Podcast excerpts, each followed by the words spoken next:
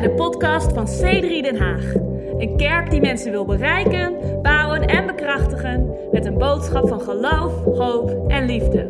We hopen dat deze podcast je verfrist en inspireert.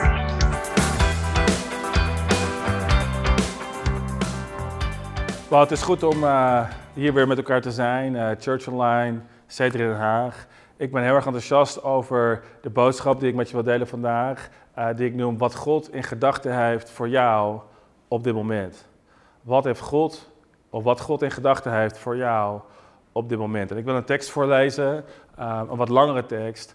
Um, ik wil je ook aanmoedigen om je Bijbel erbij te pakken, om dit moment te nemen als je hier live kijkt, om wat notities te maken en geconcentreerd te zijn.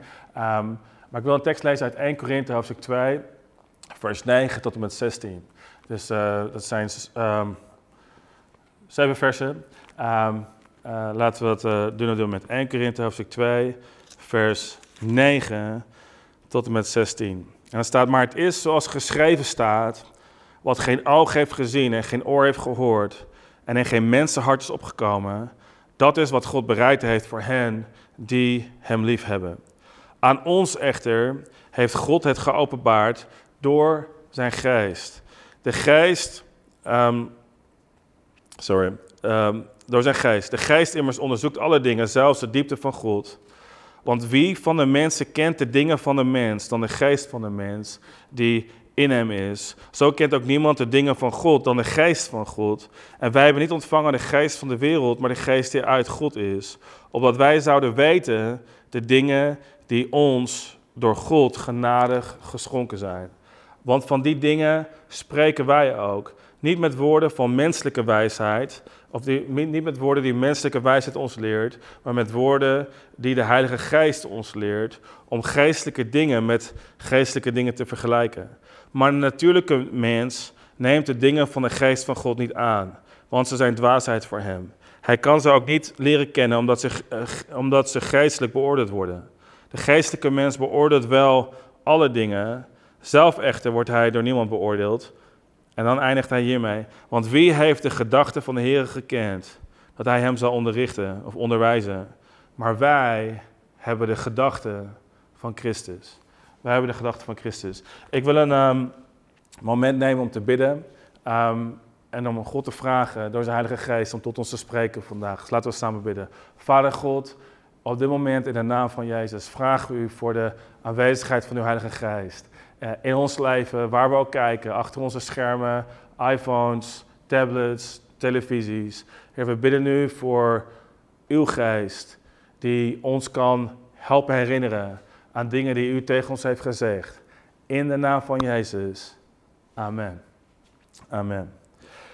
Hey, ik, uh, zoals je doet in deze tijd, ik zat laatst op Instagram en ik, ik zag een van onze mensen uit ons team um, een post doen die ik enorm grappig vond. En um, ik denk dat zij zullen zeker weten dat ik het over hun heb, maar dit is super positief bedoeld, dit is geen kritiek. Maar er was iemand uit onze kerk die een foto maakte van haar man. Dus uh, we weten al iets meer dat het, wie het zou kunnen zijn, want het gaat over getrouwd stijl. um, en, ze maakte een foto van een man die uitkeek over, um, over het uitzicht vanuit hun tuin. Hij stond met de rug naar haar toe, met een kop koffie in zijn hand. Um, en ze, ze maakte een opmerking: What are you thinking about, hun? Or what are you thinking about, honey? Waar denk je aan? En eh, ik moest er enorm om lachen, omdat ik het een super grappige post vond. Um, maar ook omdat ik onmiddellijk de gedachte had dat als mijn vrouw dit zou posten, of als mijn vrouw dit over mij zou denken, dat de kans heel erg groot zou zijn dat ik zou hebben gezegd: niet. Ik denk nergens aan. Want wij mannen, um, en maak een comment uh, als je weet waar ik het over heb vandaag. Wij mannen zijn in staat, wij hebben een unieke gave om in ons denken naar een plek te gaan waar we volledig gefocust zijn en volledig gericht zijn op helemaal niet. Zie, wij hebben een talent om onszelf te focussen op een soort van leegte van gedachten. Wij zijn in staat om te denken aan niets. En, uh, en dit is een ding wat ik belangrijk vind om te noemen, want um, als het gaat om relaties, kunnen we ons soms op glad ijs bevinden. En ik zeg niet dat deze relatie zo in elkaar zat, absoluut niet. Maar als het gaat om relaties, kunnen we, kan het ingewikkeld worden wanneer we um, proberen te raden en te interpreteren wat iemand anders denkt, zonder dat die persoon dat communiceert of zegt. Zie, het is heel erg ingewikkeld, want we weten niet wat iemand denkt. We kunnen, we kunnen onmogelijk weten wat iemand zelf denkt. En ik vind het fascinerend, want Paulus hier in deze tekst zegt hetzelfde. Hij zegt, wie weet wat er in de geest van een mens is, behalve de mens zelf. En dan vergelijkt hij dat en dan zegt, maar wie weet wat er in, in het denken van God is, in de geest van God is, behalve de geest van God zelf. En ik denk dat het belangrijk is omdat wanneer het gaat om God, wanneer het gaat om een relatie met God, of wanneer het gaat om een relatie met het geloof, kunnen we soms terechtkomen op een plek in ons, um, in ons denken, in onze interpretatie, waar wij proberen te raden wat God over ons denkt.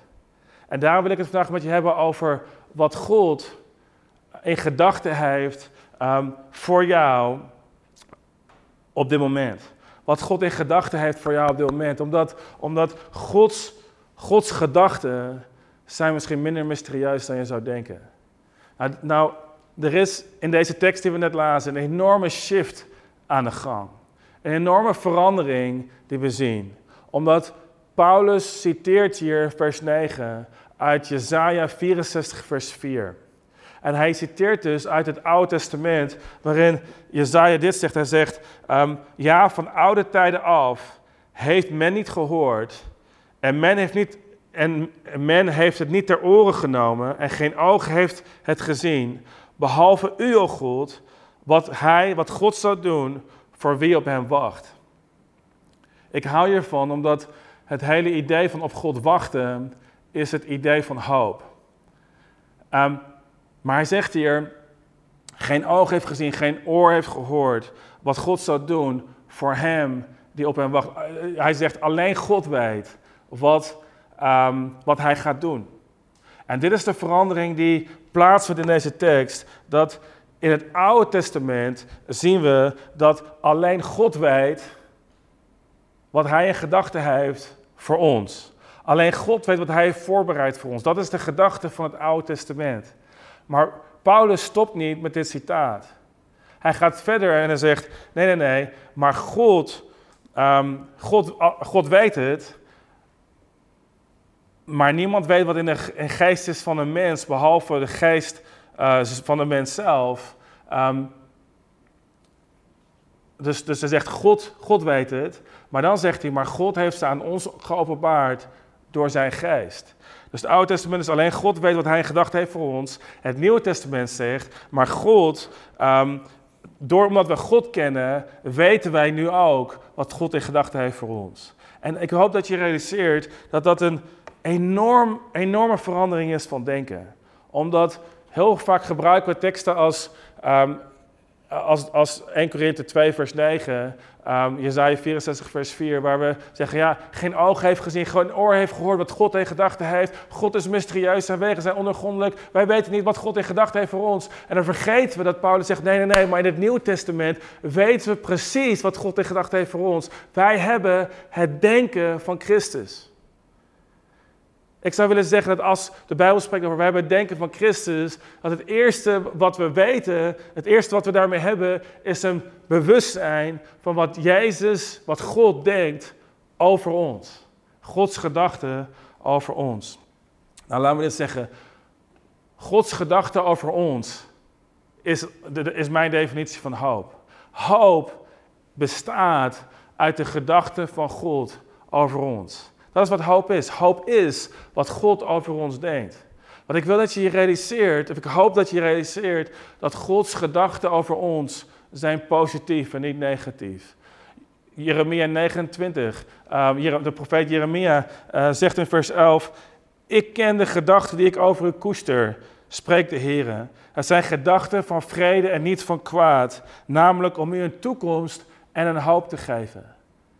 Ik, ik wil je vandaag zeggen dat, dat de gedachten van God over jou zijn positief. De gedachten van God zijn geen negatieve gedachten. De gedachten van God in jouw leven is de hoop van God. En zelfs in het Oude Testament, al, al, al, zei de profeet Jezaja, wij weten niet wat God heeft voorbereid, weten we wel dat de gedachten van God positief zijn over ons. David zei in Psalm 139, hij zei, hoe kostbaar God zijn mij uw gedachten. Hoe, hoe machtig groot is hun aantal. Zou ik ze tellen? Ze zijn talrijker dan de korrel zand. Ontwaak ik, dan ben ik nog bij u. Zie, de profeet Jeremia en de koning David eh, hebben een bewustzijn van de gedachten van God over hen. En die gedachten waren kostbaar, die waren belangrijk. Het waren, omdat, waarom? Omdat het geen negatieve gedachten waren, maar omdat het positieve gedachten zijn. En misschien kun je het gevoel hebben, ja oké, ehm, David was een koning, uh, een man naar Gods hart, zoals de Bijbel zegt. Hoe, hoe kan ik op zo'n niveau leven? Jeremia was een profeet, uitverkoren uh, door God om een, een, stem te zijn in zijn land. Hoe kan ik weten wat God voor mij heeft? Maar daarom zegt Paulus, hij zegt, geen oog heeft gezien, geen oor heeft gehoord. Het is niet in een mens hart opgekomen wat God heeft voorbereid voor hen um, die God liefhebben. Maar God heeft het aan ons geopenbaard door zijn geest. Ik, wil, ik hoop dat je realiseert dat dat deze, deze bewustzijn, dit bewustzijn, is beschikbaar voor jou en mij hier vandaag. De vraag natuurlijk is, hoe kan ik groeien in een bewustzijn van Gods gedachten voor mijn leven? Hoe kan ik groeien in, in, in, uh, in een bewustzijn van Gods hoop in mijn wereld? Die, um, hoe, hoe, kan ik daarop leven? Want hier is de realiteit. Um, er vindt een struggle plaats in ieder van ons. En Paulus beschrijft het, want hij zegt: de natuurlijke mens kan niet de dingen van God aannemen, kan ze niet onderscheiden. Maar wij moeten geestelijk onderscheiden wat geestelijk is. Maar God, door zijn geest, communiceert met onze geest um, dat er hoop is um, in ons leven. Dus, we, dus wat we hier leren, Paulus geeft ons een strategie. Hij zegt, deze hoop, deze bewustzijn van, van deze hoop, van de gedachte van God voor ons, kunnen we niet alleen maar leren door studie. Nou, studie is belangrijk en het is belangrijk om te bestuderen wat de Bijbel zegt over ons. Maar ik wil dat je weet dat het verder gaat dan alleen maar ons denken. Um, we kunnen het niet alleen maar bereiken door te redeneren of door het te, te leren. Um, wat Paulus zegt is, deze hoop is geen natuurlijk ding, het is een geestelijk ding. Hoop per definitie is niet natuurlijk, het is geestelijk. En hij zegt, het is belangrijk voor ons om te leren om die geestelijk te onderscheiden. Nou, er zijn, er zijn aspecten van mij die niet geestelijk zijn. Het verrast je misschien enorm, maar er zijn aspecten van mij die, die niet geestelijk zijn. En dus in, in mij, in jou, zit er een, een, is er een conflict. Paulus beschrijft dit conflict op verschillende, verschillende plekken. Want wij hebben een natuurlijk denken uh, en we hebben een geest. Wij bestaan uit lichaam, ziel en geest. En al zijn we één, zoals God één is, drie in één. Wij zijn één, uh, onze lichaam, ziel en geest met elkaar verbonden. Maar soms um, uh, zijn we geneigd om te veel te leven vanuit ons rationeel denken. Nou, ik denk dat het belangrijk is om onze bron te vinden in onze geest. Omdat de hoop die wij hebben, is geen hoop die wij, waar wij natuurlijk in groeien. Dit is een hoop waar we geestelijk in, in kunnen groeien. En kan ik dit zeggen? Wanneer we de aanwezigheid van God ervaren, ervaren we hoop. Zie, we ervaren hoop wanneer we de aanwezigheid van God ervaren. Nou, ik wil niet zeggen dat als je de Gods aanwezigheid op dit moment niet voelt of ervaart, dat je geen hoop hebt. Maar ik wil wel dit zeggen, dat de aanwezigheid van God in ons leven um, heeft een bepaald gevoel en een atmosfeer. En dat gevoel is het gevoel van hoop. Dat, dat, de aanwezigheid van God, de bewustzijn. Zie, God is altijd aanwezig, de Heilige Geest is overal. Maar de bewustzijn van de aanwezigheid van God in ons leven is de bewustzijn van hoop in ons leven. En ik denk dat het belangrijk is om te realiseren, want het is de Heilige Geest die aan ons is gegeven, die ons helpt om te groeien in een bewustzijn van de hoop die we hebben. Dus willen we groeien in hoop, dan is het belangrijk om, om te realiseren dat we, dat we de Heilige Geest nodig hebben. Zie, de Heilige Geest is geen, is geen, um, is geen typering voor de stijl waarop we kerk doen. De Heilige Geest is geen uh, typering voor de type kerk waar we in zitten. De Heilige Geest is de persoon van God op aarde. Hij is de aanwezigheid van God. En als we in aanraking komen met zijn aanwezigheid, komen we in aanraking met hoop.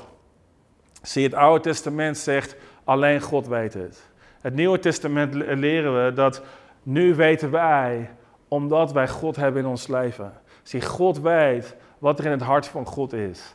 Maar wij hebben de geest van God. Gods geest um, communiceert met onze geest. Laten we deze tekst lezen in Romeinen 8, vers 16 tot en met 17. Zo'n mooie tekst. Daar staat, de geest van God, de geest zelf getuigt met onze geest dat wij kinderen van God zijn. En als wij kinderen zijn, dan zijn we ook erfgenamen. Erfgenamen van God en mede-erfgenamen van Christus. En ik denk dat het belangrijk is om te realiseren dat wij hebben een bewustzijn. Dat als, als, als je gelooft in God, heb je een bewustzijn dat, je, dat God voor je is. Heb je een ingeboren innerlijke overtuiging dat je een kind bent van God, een erfgenaam van God. Dit is een bewustzijn in ons, maar waar we in moet, kunnen leren groeien in ons leven. Zie, Gods geest getuigt met onze geest. 1 eh, Korinthe 6, vers 17 geloof ik zegt, als iemand één is met God, als iemand, uh, als iemand van Christus is, dan is hij één geest met God. Wat betekent dat Gods geest um, is verbonden met onze geest en onze hardware van binnen is geupgrade. Het is alsof we een nieuwe harde schijf hebben ontvangen, um, een nieuwe geest hebben gekregen, maar zie, ons besturingssysteem is zich niet altijd bewust van de nieuwe hardware die we hebben ontvangen. Zie, ehm, als ik, en dat is heel lange tijd geleden dat ik dat heb gedaan, maar als ik um, mijn RAM-geheugen vergroot in mijn computer, of als ik een andere harde schijf in mijn computer zet, is de kans aanwezig dat het besturingssysteem er niet aan kan. En zie, ons denken is ons besturingssysteem. En we moeten, het is nodig dat we leren om een update te krijgen. Wat is de update? Wat de update is ons denken. Sterker nog, de Bijbel zegt de geest van ons denken. Zie, en, en, en hoe meer we bewust worden van de upgrade die we hebben gehad, hoe meer, hoe meer we ons realiseren dat het niet alleen maar Gods rationele informatie is, maar dat het Gods geest is die communiceert met ons geest. Hoe meer we kunnen beginnen te leven vanuit de bron van, van ons leven, ons hart. Zie, ons hart is de bron van ons leven. En het is zo mooi omdat, zie, ons denken registreert via onze zintuigen. En dus dus onze omstandigheden worden geregistreerd in ons denken. Maar onze geest registreert wat de geest van God communiceert met ons. En, en, en zie, deze hoop die we hebben, is een hoop die niet afhankelijk is van wat we registreren met onze zintuigen. Deze hoop die we hebben is niet een hoop die, die afhangt van wat we hebben en wat we niet hebben. Van wat we kunnen doen en wat we niet kunnen doen. Van de crisissen of de successen van ons leven. Zie, deze hoop is een hoop die dieper gaat. Geen wonder dat Paulus spreekt in Filippenzen 4, vers 7 over de vrede van God die verder gaat of dieper gaat dan, uh, dan, de, dan ons denken. Hij zegt, um, Filippenzen 4, vers 7, de vrede van God die begrip te boven gaat. Zie, er is een vrede van God die verder gaat dan de situatie waar we in zitten. En is dat soms een worsteling? Ja, dat is een worsteling. Want nogmaals, wij, wij, hebben een gezond verstand. En de Bijbel vertelt ons niet om ons verstand uit te zetten. Maar er, uh, dus, dus er zijn prikkels en zintuigen. En er zijn situaties waar we inkomen waarvan we ons soms afvragen: wat heeft God in gedachten voor mij op dit moment?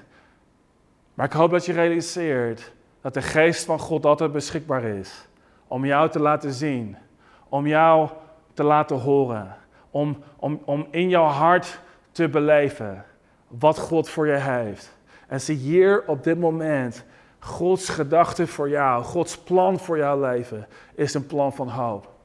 Is een plan van toekomst. En jij en ik, we kunnen groeien. Mijn gebed is, is dat je kan groeien in een bewustzijn van deze hoop door bewustzijn van de Heilige Geest. Weet je wat het mooie is? Is dat, is dat als, we, als de aanwezigheid van God het gevoel van hoop met zich meebrengt, dan kunnen we de hoop die we hebben delen door de aanwezigheid van God in ons leven te delen met anderen.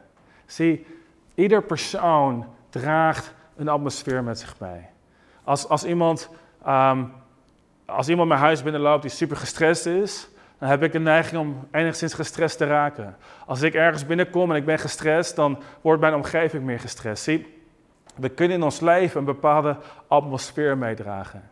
En ik geloof van harte dat een van de effectieve manieren hoe we God kunnen delen, is niet alleen maar informatie delen over God, maar is om de atmosfeer te delen van hoop in ons leven.